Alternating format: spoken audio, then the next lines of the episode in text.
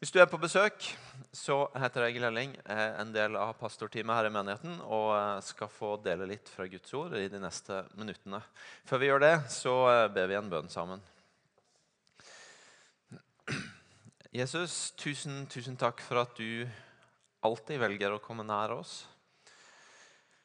Og for at eh, på dette stedet her, når du er nær og vi er til stede og fokusert på at du er her, så kan alt skje. Så kan uh, møtepunkt skje som kan forandre liv. Så vi, uh, vi ber deg om å tale til oss, om å møte oss, om å treffe livet vårt i kveld. Og ber deg, Jeg ber deg om at du hjelper oss til å være til stede, sånn at ikke bare summen av en preken er noe vi hører etterpå, men at de ordene som, som, treffer våre hjerter, at vi er oppmerksomme på de, og tar imot de og tar tak i de. Helligånd, du, du har skrevet ordet. og Derfor så ber vi deg om å også bruke ordet til å treffe oss og til å tale til oss og til å gjøre noe med livet vårt. Amen. Ehm, jeg er pappa til ei jente på fem. og Tidligere i høst så kom hun hjem fra Imi-gjengen, som er på formiddagsgudstjenesten vår på G11, og hadde fått med seg hjem ei bønnebok som eh, skulle hjelpe henne til å be. Fantastisk redskap som vi har brukt i hele høst og hatt veldig glede av. En enkel bok som ga liksom noen knagger for, for bønnelivet begynner med 'Kjære Gud', og så kommer det forskjellige emner som, som både jeg og hun så kan sette våre egne ord på takk for. Og så kan vi si noen takkeemner. Vi ber for vennene våre. Så kan vi si noe om noen venner vi ønsker å be for. Be for familien vår, be for de som har det vondt. Og så kan vi på en måte fylle inn på de ulike områdene. Og det har vært uh, utrolig fint. Så det har vært ei side i den boka som eh, Frida har vært ganske sånn tilbakeholden på og stort sett sendt videre og sagt at den kan du ta. Den, den, eh, den kan du ta. Eh, eller det har jeg ikke noe å si. Og det er den sida hvor det sto 'tilgi meg'. For når, liksom kom, kunne vi komme her til den, så har det liksom vært Nei, nei, har ikke noe å be om. Nei, Er det noe som ble, ble, dumt i dag, Frida? Kanskje som du syns har vært greit å si unnskyld for på slutten av dagen? Nei. nei. Det syns jeg ikke. Og, og, eh, en kveld når jeg prøvde å liksom ja, trykke litt mer på den knappen da, og liksom, du, Prøv å tenke nå, Frida. Er det, er det, noe som hadde vært fint å be om tilgivelse for? Noe som ble litt dumt i dag? Så tenkte hun seg om, og så sa hun jeg syns egentlig du burde be om unnskyldning. for jeg syns jeg syns du var urettferdig streng med Elia, storebroren, tidligere i dag. Så da måtte vi vinke inn Elia, da, og han var svært enig med sin søster i at det, sånn, sånn, var det. Så da endte det jo med at jeg måtte be om tilgivelse, da. Ja. Eh, og så er det jo uh, så, så, kan jo det lede til noen sånne refleksjoner rundt hvor stort ansvar har uh, da jeg som pappa for min femårige jente sin synserkjennelse. Er det liksom sånn, Hvor hardt skal jeg trykke på for at Frida skal skjønne at du må jo be om tilgivelse? Um, og så Hør meg rett. Jeg, jeg skjønner at en femåring er en femåring. Barn får være barn. og Det der kommer i tide. Vi stresser ikke det veldig. Men det er, hvis du fortsetter tankebanen, så er det en ganske interessant ting å tenke på. Hvor, hvor stort ansvar vi har for hva andre folk erkjenner, tar imot velger å gjøre med livet sitt. Vi har, de fleste av oss tror jeg innimellom folk rundt oss som vi tenker at de, de hadde trengt å skjønne at det der bør de slutte med eller vende om fra eller be om tilgivelse for. Eller det trenger ikke å ha med tilgivelse å gjøre, men det kan være bare noe vi å, Tenk om de bare kunne gripe det. Tenk om de bare kunne omfavne det ordet Gud har talt over livet de sitt. Eller tenk om de bare kunne gripe det vi gjør når vi tilber istedenfor å stille seg på utsida. Eller Tenk om de bare kunne ta det valget som alle vi andre ser at ville være godt for dem. Og så videre. Det er, det er gjenkjennbart. ikke sant? At Noen ganger så har vi det rundt oss, og så kan en tenke på ja men, ja, men hvilken rolle har jeg og du i det? Hvor stort ansvar har jeg og du for at andre skal skjønne det, skal gripe det, skal velge det som vi er så sikre på at de burde velge? Og noen ganger så er det jo vi som er i den situasjonen. at egentlig så trenger vi å erkjenne et eller annet. Egentlig så trenger vi å se et eller annet. At, at folk rundt oss ser noe rundt våre liv som vi ikke helt er klare for å se, eller ikke klarer å se, eller ikke vil se sjøl. Og hva, hva, er det som, eh, hva er det som kan, kan, gripe fatt i oss? Hva er det som kan, som kan skape forandring inn i det? Denne høsten vi leser vi i Det gamle testamentet. Vi har valgt oss fire bøker som vi bruker høsten på å lese gjennom. Vi begynte med Josva, vi fortsatte med Daniel. Vi har for litt siden avslutta Nehemja. Øystein talte siste søndag om Nehemja forrige søndag. Og så har vi de siste drøye uka begynt å lese Jesaja. Hvis du ikke har fått tak i bibelleseplanen, så tror jeg du fikk han på vei inn. Og vi bare anbefaler deg å koble deg på og lese litt fra Jesaja fra nå og fram til jul. Eh, Jesaja, som er én, representerer én av en, en, sånn bunke viktige bøker og viktig del av Det gamle testamentet, nemlig alle profetene du finner i Det gamle testamentet. Tolv små som får sagt mye på ganske få kapitler. Og så tre store, Jeremia, Esekiel og Jesaja som den mest omfangsrike av de alle, som er fulle av ikke så mye av historiefortellingen, ikke så mye som forteller om hvem disse profetene var, men som er fulle av ord disse profetene talte og ga inn i sin tid, inn i Guds folk i den tida de levde i. Og Jesaja det er ei sånn bok som på den ene sida er ei fantastisk bok. Eh, jeg har snakker jevnlig med folk som sier Jesaja det er en av, en av mine yndlingsbøker i Bibelen. Fordi Jesaja er full av mange utrolig flotte ting. Hvor, hvor, hvor, det står noen av de vakreste og sterkeste tekstene i Bibelen om hva som skjer når Gud kommer oss nær. Hva Gud ønsker å gjøre i vår verden, hva som er hans hjerte for vår verden, og hva vi kan vente på og ha forventning til når Gud bryter igjennom. Om lyset som stiger som, som, stiger inn i mørket, og som, og som, bringer noe nytt inn der. Om fanger som skal få frihet, om blinde som skal få se. Om, om, om hvordan ut av det som ser håpløst ut, så vokser det noe nytt fram. Det er noen nydelige tekster i Jesaja som er fulle av håp og av framtid. Og av, og av sånn troskaping på hva Gud vil gjøre, og hva som er på hans hjerte. Men samtidig, jeg, jeg, jeg sto og snakka med en før formiddagsgudstjenesten i dag som sa nå gleder jeg meg, for nå skal vi snakke om favorittprofeten min. Og Så står det en, snakk, står det en ved siden av, for han sier ja, det er så mye bra der. Og så, og så sier sidemannen ja, det er noe ganske mye rart der òg. på vei inn her i dag så, så hadde jeg Janei som sa til meg og nå gleder jeg meg, for det, det, det, dette her skjønner jeg ingenting av. og, og, og ved siden av disse flotte tekstene om det som er Guds hjerte, om det han ønsker å gjøre, så er Jesaja full av noen ganske krevende tekster om, om, om Guds dom, om, om, Guds oppgjør med synd og med det som er galt og det som er urettferdig. Og, og, og hvor han går i rette med både den ene og den andre. Ikke i milde ordelag.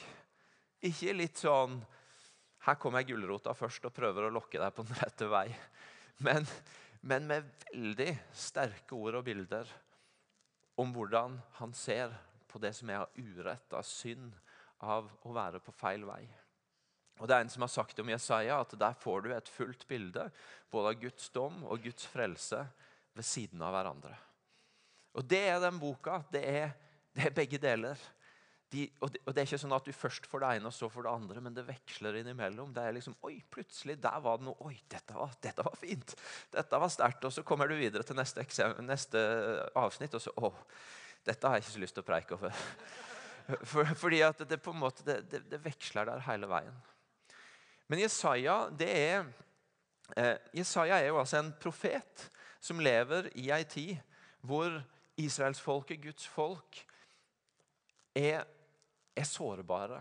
De opplever at mange nasjoner rundt dem er, eh, har framgang, er sterke, utfordrer. Sjøl har de kommet ganske langt bort fra utgangspunktet Gud hadde for dem når han ga dem landet, både i forhold, sitt forhold til Gud og i forhold til måte å leve på. De er, merker konsekvensen av det. De er svake, de er sårbare, de er trua på flere hold. Og inn i det så kommer Jesaja, og så taler han sånn som profeten gjør. For profeten han taler ikke, han snakker ikke så mye politikk. Han, han, går ikke inn der og snakker om at ja, hvis dere nå bare er litt smarte og gjør litt sånn og sånn, så kanskje dere kan stå litt sterkere mot de kreftene som truer fra utsida. Han, Profeten er ikke den stemmen som prøver å, å, være litt smart og få folk med på laget, og så flytter de litt grann hitover. Profeten Profeten Sa jeg noe galt nå? Nei. Pro, ja. Profeten han er jo den som for det første ikke er opptatt av politikk, men som er opptatt av å kalle de tilbake til Gud. Og som er opptatt av å og som, og som konfronterer, og som sier det som det er. Og som, og som bare sier ja, men det er jo et helt annet perspektiv her. Det er jo ikke om det naboriket har blitt litt sterkere og grensene våre litt mer trua. Det er jo noe helt annet det handler om. Og Nå må dere våkne opp og se det. Skjønn det. Det er profeten, denne her sterke, skarpe, konfronterende, om du vil, røsten, som bringer et helt annet perspektiv inn i israelsfolkets liv. Og Selv om det ikke er hovedpoenget i talen min i dag, så er det én ting å stoppe opp ved når vi leser Jesaja. Det er vår evne til å verdsette de stemmene som er annerledes, og som taler annerledes, og som, og som våger å ha den spisse brodden inn i vår tid. Som våger å kanskje ikke prøve å se hvordan kan jeg navigere meg inn i midten her og få litt innflytelse, sånn at jeg får, får dytta lite grann. Men som velger å se ting fra utsida og tale et helt annet perspektiv. Fordi at en ønsker å kalle mennesker til noe grunnleggende annerledes. Og I vår tid er ikke det, De stemmene har ikke nødvendigvis de, bæsje, de verste, beste, hva det skulle si. Beste og verste blir nesten verste. Det hørtes ikke bra ut i det hele tatt.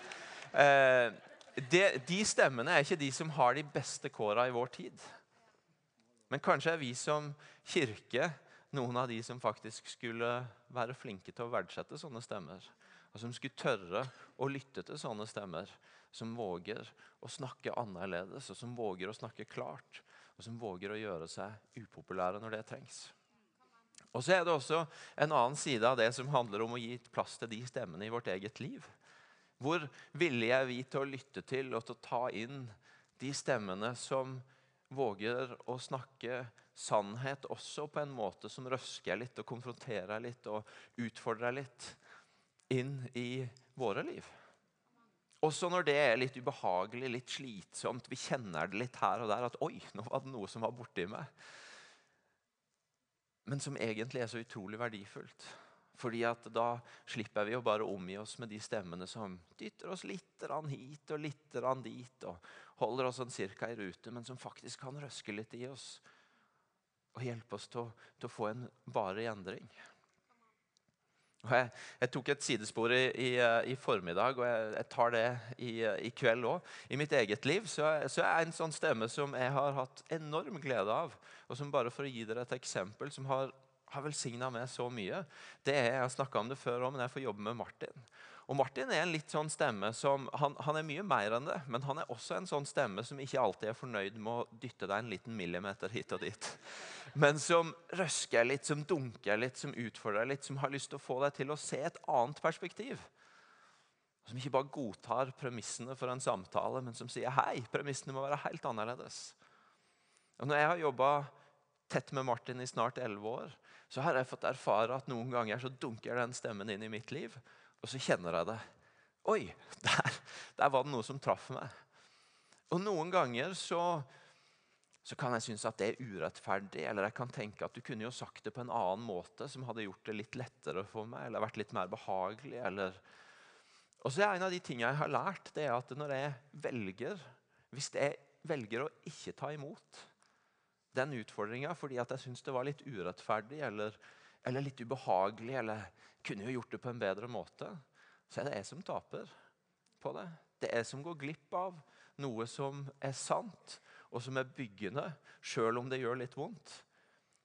Han taper ikke noe på det, men jeg taper hvis jeg ikke velger å omfavne det. Fordi om jeg egentlig ikke hadde lyst på det, eller skulle ønske det hadde kommet litt annerledes. Jeg husker En gang så satt vi inne på kontoret til Martin, og så hadde jeg akkurat blitt så utrolig begeistra for dette med anerkjennende kultur. og Jeg var ute der og prøvde å bruke enhver anledning til å liksom skryte av noen som hadde gjort noe bra. Og så, og så, så sitter jeg der inne, og så plutselig sier jeg Martin, 'Hvor ofte har du anerkjent?' Og så sier han navnet på ei som jobba i IMI. Og så er jeg litt sånn perpleks så tar en kort tenkepause, og så er Martin der med en gang. 'Jeg kan svare for deg. Ingen.'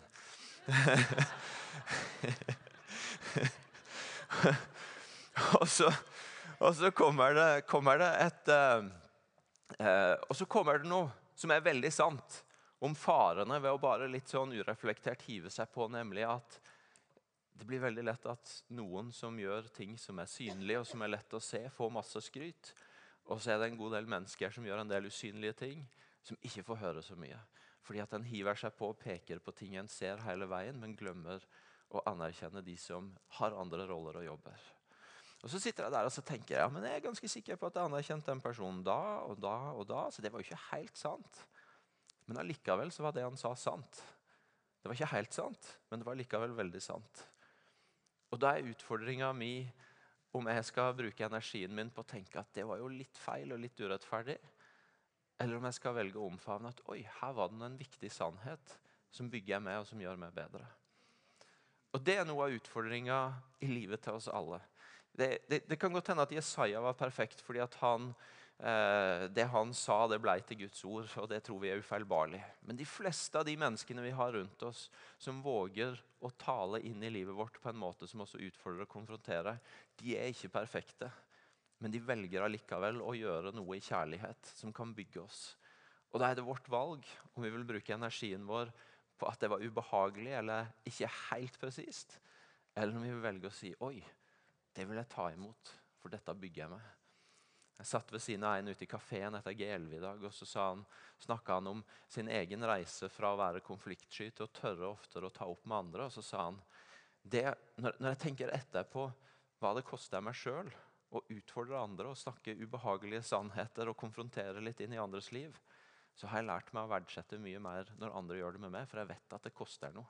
Jeg vet at det er ikke den mest lettvinte greia å gjøre. Og la oss, la oss velge å verdsette når mennesker våger å være sånne stemmer inn i livet vårt. La oss ta det imot. Det er vi sjøl som taper hvis vi ikke gjør det. Ok, Det var en lang, lang sidetrack, men eh, tror egentlig ganske bra. eh, noe av det Jesaja utfordrer på, det det er at han utfordrer på det evige versus det forgjengelige. Han utfordrer på at det er noe som står for alltid, nemlig Gud sjøl. Og så er det mange ting som her og nå virker bra, men som faktisk ikke er evige. Og Han utfordrer israelsfolket på at de har gitt det som ikke er evig, altfor stor plass i livet sitt. Han sier i kapittel 2 at landet er fullt av sølv og gull Overalt er det skattkamre. Landet er fullt av hester. Overalt er det vogner. Så han, han maler ut om rikdom og overflod. Men så sier han i vers 11.: Den stolte må slå øynene ned mens hovmod skal bøyes. Herren alene er opphøyd den dagen. Og så kommer det en lang utlegning om hvordan alt det skapte må bøye seg og knele for Gud. Og hvordan igjen han gjentar Herren alene er opphøyd den dagen. Jesaja er opptatt av å bare dra det inn i at dere gir det, det forgjengelige, det som ikke varer, det som kan forsvinne på et øyeblikk, så stor plass. Men det er én ting som er evig, og det er Gud. Og dere må, dere må, han, han, prøver å kalle dem tilbake til en, eh, et rett ståsted i møte med det. En annen ting som Jesaja konfronterer folket på, det er at de har begynt å blande sammen rett og galt. Hva som er godt og hva som er ondt. Han sier i kapittel 5 vers 20.: Ved dem som kaller det onde godt og det gode ondt. De som gjør mørke til lys og lys til mørke. Bittert til søtt og søtt til bittert. Han konfronterer dette at de har, de har begynt å rote i hva som, er, hva som er rett og hva som er urett. Hva som er lyst og hva som er mørkt, hva som er godt og hva som er ondt.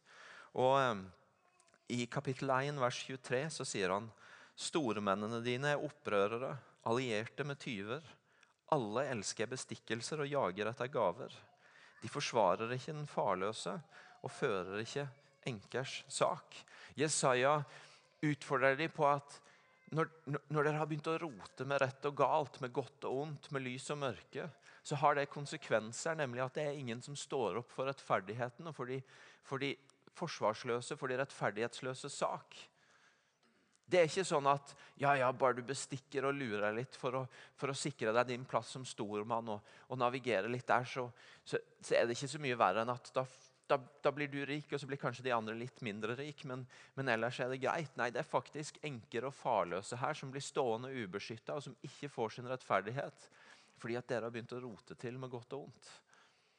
Det, det, det, Guds hjerte er ikke primært bare å, å liksom arrestere noen sånne smågale ting her og der for, for, at, for, å på en måte gjøre det. Men, men, men, han peker på at det har en konsekvens. Det er noen som lider for det. Han vil ha rettferdighet. Han vil ha klarhet i godt og ondt fordi det handler om rettferdighet for mennesker. Og En tredje ting Jesaja konfronterer, det handler om det som kanskje er det mest sårbare for Gud, nemlig det som handler om, om relasjonen.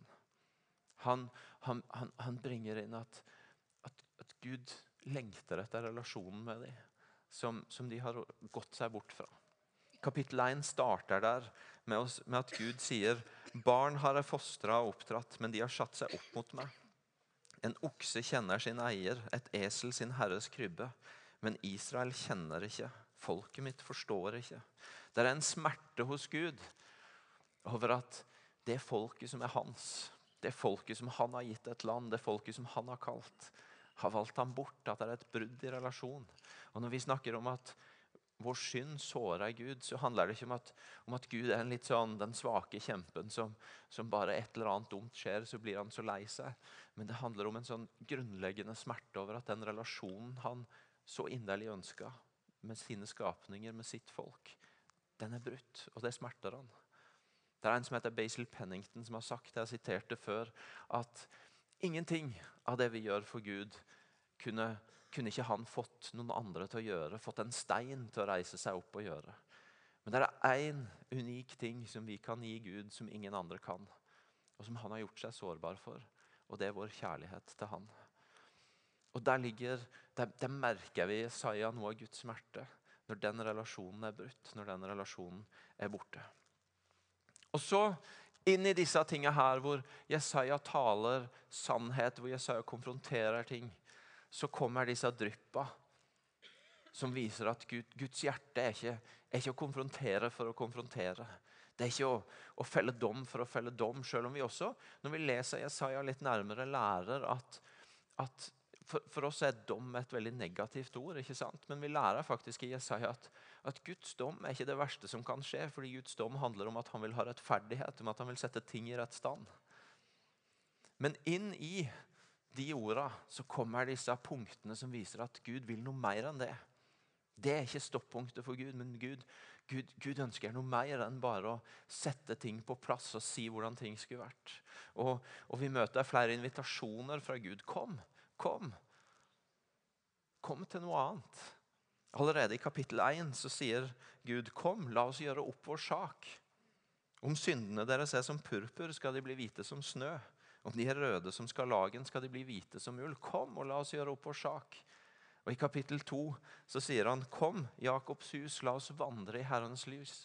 Det er en invitasjon fra Gud. Kom, la oss begynne på en ny retning. Men så er det også de de stedene hvor, hvor, hvor det utbroderes enda mer hva Gud ønsker med de invitasjonene. Og Et av de stedene er det vi skal bruke resten av tida vår på. Det er kapittel 6, hvor vi møter kallsfortellinga til Jesaja. Det stedet hvor Jesaja blir kalt til å være profet. Antagelig så er det det første som skjer i historien, før alt han sier. Men, men eh, Jesaja har valgt å plassere det der i oppbygginga si av fortellinga. Men, men, det er fortellinga om en dag Isaiah er i tempelet. og Han ber sånn som, og tilber sånn som de tilba Gud. Og så skjer det som kan skje når Gud er til stede, og når mennesker er til stede og tilber. Så kan det skje et møtepunkt mellom Gud og mennesker. Et, et, et møtepunkt når Gud er nær, og vi er oppmerksomme på at han er nær. Så kan det skje noe som, som, som skaper noe helt nytt. Og Det skjer i Jesajas liv denne dagen. når det står at i det året da kong Usia døde, så er Herren sitte på en høy og opphøyd trone, og kanten på kappen hans fylte tempelet. Serafer sto overfor ham, hver av dem hadde seks vinger. Med to dekka de ansiktet, med to dekka de føttene, og med to fløy de. Så, så Jesaja han Oi, nå er jeg på hellig grunn. Jeg får se, jeg får møte Gud. Jeg, får et syn av Gud sjøl. Han ser disse himmelske vesenene med et ekstra sett vinger for å dekke ansiktet sitt, fordi, fordi de kan dekke, de kan ikke blottlegge ansiktet sitt i møte med den allmektige Gud. Og Så står det at de ropte til hverandre, Hellig, hellig, hellig er Herren Sebaot. Hele jorden er full av Hans herlighet. Hellig, hellig, hellig. Dette ordet 'hellig' som går igjen og igjen i Jesaja, eh, som Gud, som Israels hellige. Og som, og som, er et ord for å si at Gud er så radikalt annerledes. Hellig, hellig, hellig. Tre ganger må han gjenta det for å bare stadfeste at Gud er en så radikalt annerledes Gud. At ingen av våre termer og ord og, og, hvordan vi vil beskrive han fullt ut, kan beskrive denne guden som bare er hellig og annerledes. og, og og så adskilt fra oss i sin renhet og fullkommenhet og allmakt.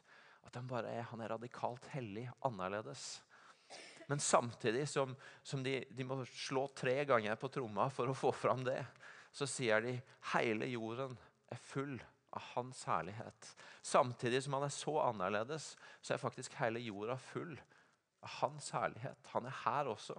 Han er ikke bare radikalt annerledes, men han er radikalt til stede. Hans herlighet, på, eller glory på engelsk, er på hebraisk et ord som uttrykker noe som har tyngde, som har substans, som er reelt. Og Det betyr at samtidig som han er opphøyd og annerledes, så er han nær og til stede på en måte som er gripbar og erfarbar. Og de, Dette er det de står når Jesaja får kikke inn i et møte med Gud den allmektige på tronen, så er det det han får se. At de bekjenner om han, At han er hellig annerledes, men han er også nær, og hele jorda er full av hans herlighet. Og så står det Hva skjer når et menneske får et sånt møte med den allmektige Gud? Når det møtepunktet skjer, at en faktisk får kikke inn og se Å, så hellig er han. At det finnes ikke ord for å beskrive, men han er her, og han er nær. Og jeg får tre inn i hans herlighet. Hva skjer da? Det som skjer med Jesaja, er at han sier, 'Ved meg, det er ute med meg.' For jeg er en mann med urene lepper, og jeg bor i et folk med urene lepper. Og mine øyne har sett kongen, Herren over hærskarene. Jesajas respons er å, er å, falle til jorda og, og bare si 'Å, jeg er urein' er full av synd. Han, han, han, får en erkjennelse av sin egen ufullkommenhet, av sin egen urenhet. Både på vegne av seg sjøl og det folket han er en del av. Den umiddelbare responsen på et møte med den hellige Gud er jeg er ikke verdig. Jeg er ikke i nærheten av det du er.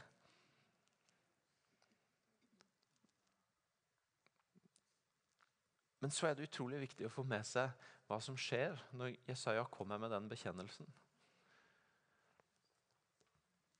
For det som skjer er at Gud lar ikke Jesaja få ligge der med det ropet. Men Jesaja løfter han opp igjen. Nei, Gud løfter Jesaja opp igjen.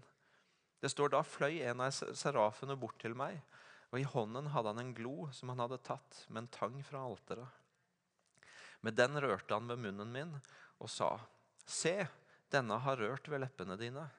Din skyld er tatt bort, og din synd er sona. En kunne kanskje tenke at hvis, hvis erkjennelsen av å ikke være verdig i møte med den hellige Gud er så grunnleggende, så, så, finnes det ikke noe annet svar enn å bare bli liggende der. Men det Gud gjør, det er jo å sende en av serafene bort og rense han og løfte han opp igjen og si 'Jeg renser deg. Reis deg opp. Du er rein.' Møtepunktet med Gud bringer ikke bare synserkjennelsen, men renselsen. Du er rein, du er tilgitt. Reis deg opp. Og Med det som utgangspunkt så begynner Gud å tale inn i livet hans. Da hørte jeg Herrens røst. Han sa, 'Hvem skal jeg sende, og hvem vil gå for oss?' Gud begynner å tale i dette møtet til Jesaja. Direkte til han, inn i livet hans. 'Hvem skal jeg sende, hvem vil gå?'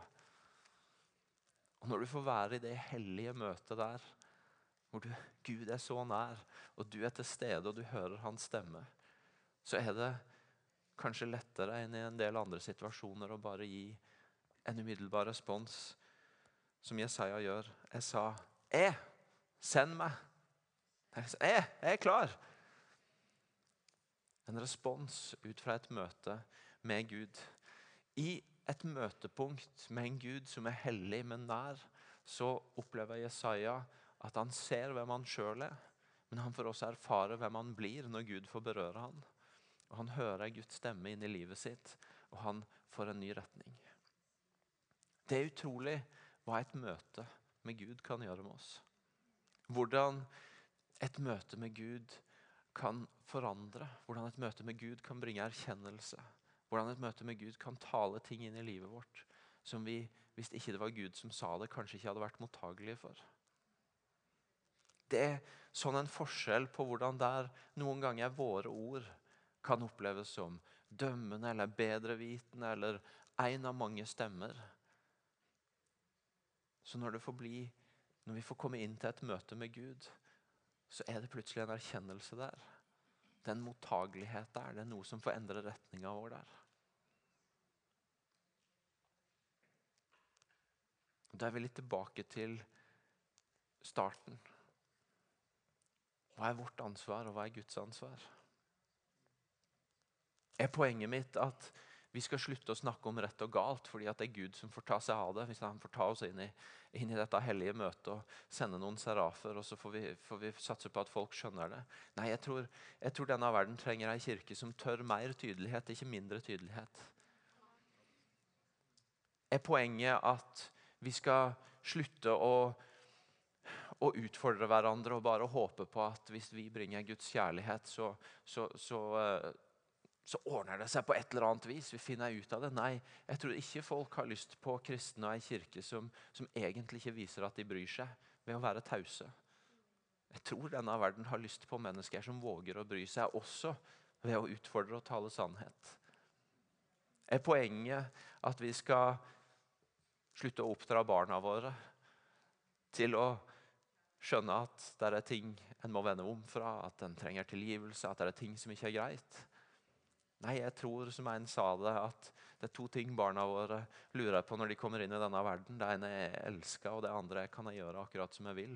Og Svaret på det første er ja, og det andre er nei hvis du skal gi en trygg oppvekst. Det tror jeg er sant. Og Det betyr at vi trenger foreldre som bryr seg og involverer seg. Men poenget er bare at det er noe med ansvarsforholdet mellom oss og Gud. Det er noen ting våre ord ikke kan gjøre, men som et møte med Gud kan gjøre. Det er noe hvor, hvor, vi må velge om vår prioritet skal være å sette mennesker opp for et møte med Gud, eller om vår prioritet skal være å få sagt det vi mener er rett. Jeg, jeg var på eller, et, et, par eksempler.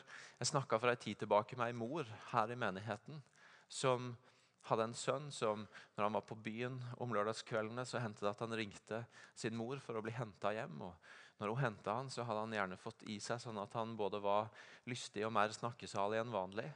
Og så sa hun da får vi ofte samtaler om Gud, om tro og om livet. Og jeg tenker så klokt av denne mora å ikke bruke den anledninga. Det var åpenbart av samtalen at hun skulle ønske at han brukte lørdagskveldene sine annerledes. Men så klokt av denne mora at hun ikke brukte den anledninga til å fortelle om hvor skuffa hun var, eller hvordan han, hvor han heller kunne vært. Men At hun valgte å bruke den anledninga som åpna seg, til å se om hun kunne sette han opp for et møte med Gud. Til å omfavne muligheten til å snakke om han som kan bringe forandring. Siste uke så var jeg på en konferanse i uh, Battle Church i Reading, hvor en av talerne fortalte om, om sin opplevelse av, før han hadde begynt å gå med Jesus, av å sitte hjemme med hele storfamilien. Satt rundt i stua, og så så de på en tale på TV og så, mens denne talen pågår, så begynner Den hellige ånd å jobbe inni han, og han får en sånn det, det, vi gjerne ville kalt syndenød. En sånn voldsom indre trang til at bare jeg er nødt til å fortelle familien min hva jeg har gjort. Og alltid han kjemper imot fordi at han, han tenker de vil, de, hvordan vil de se på meg etter det? Og, og det kommer til å bli både klamt og kleint og flaut og, og, og sikkert veldig annerledes etterpå. Men, men Den hellige ånd bruker orda som blir forkynt på skjermen, til å skape noe i han som gjør at han kan ikke annet enn å gjøre det. Så reiser han seg opp og så forteller han om porno, og om rus og om forskjellige ting. Og Så reiser mora hans seg opp og så går imot han og gir han en klem og sier jeg er så utrolig stolt av deg. Så tenker jeg, For ei klok mor som torde å stole på at det Gud gjorde i livet hans, var godt nok til at hun ikke trengte å legge til for å være sikker på at han hadde skjønt hvor dumt det var. Men i stedet omfavne det Den hellige ånd gjorde i han, og ta imot han. Denne høsten så har jeg lest, jeg har snakka om den her, her fra før, òg ei bok som heter 'Strømmer av nåde', som forteller historien om et retreatsenter i Wales. som Masse inspirerende historier der, men det er en bok som forteller mange historier om mennesker som får et møtepunkt med Gud på et i utgangspunkt sånn anonymt og avsidesliggende sted i Wales, hvor noen har valgt å bygge en sånn åndelig talt grave en brønn hvor det er lett å møte Gud, hvor det er lett å bli satt opp for å, for å møte Han. Den snakker jeg gjerne om sånne thin places, hvor, eh, hvor veien, eller avstanden mellom himmel og jord er kort.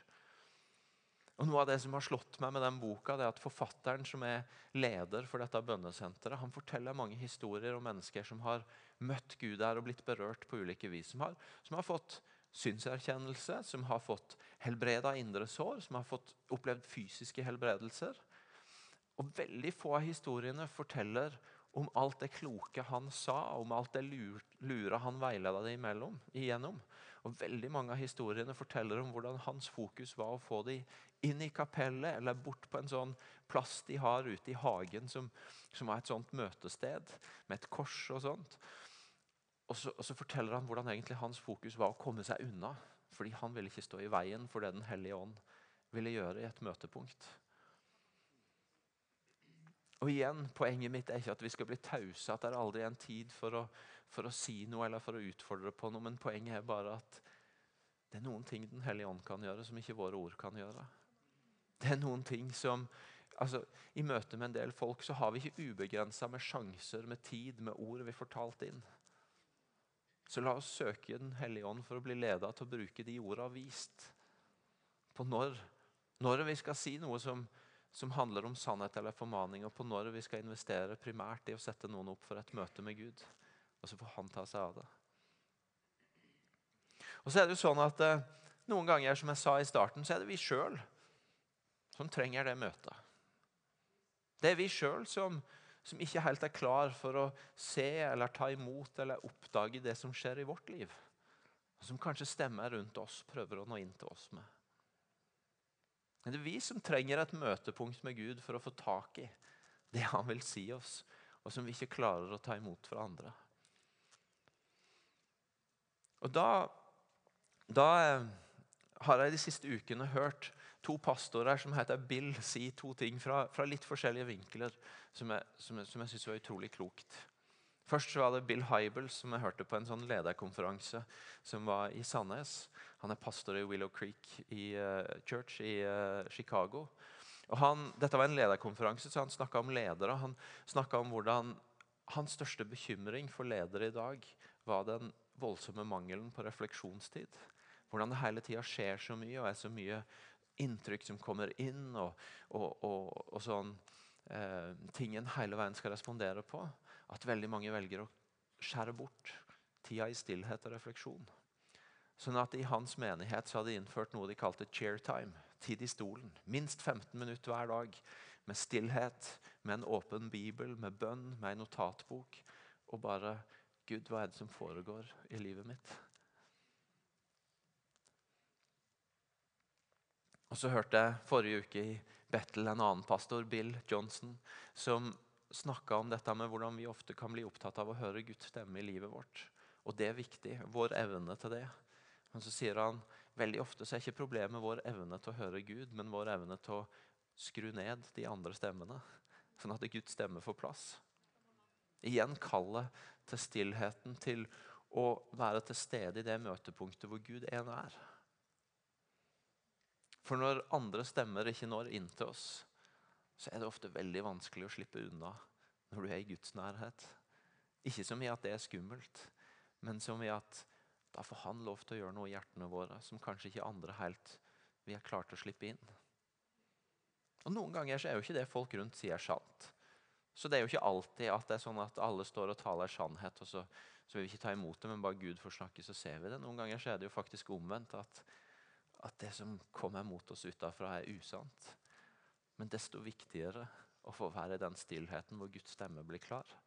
Sånn at du skjønner at du skal fortsette å holde de stemmene ute.